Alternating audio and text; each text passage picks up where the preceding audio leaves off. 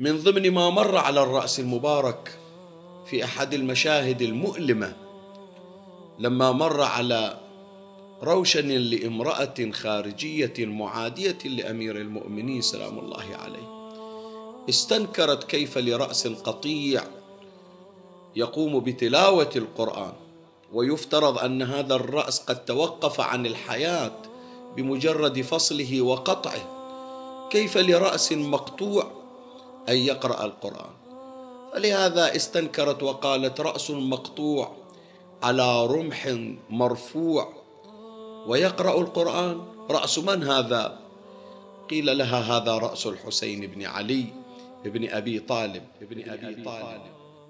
في سياق هذه الرواية يتضح بأن أمير المؤمنين سلام الله عليه قد تسبب تسبب بمقتل زوجها وبعض أسرتها في بعض معاركه فامتلأ قلبها حنقا وحقدا وفكرت في الانتقام وما وجدت فرصة.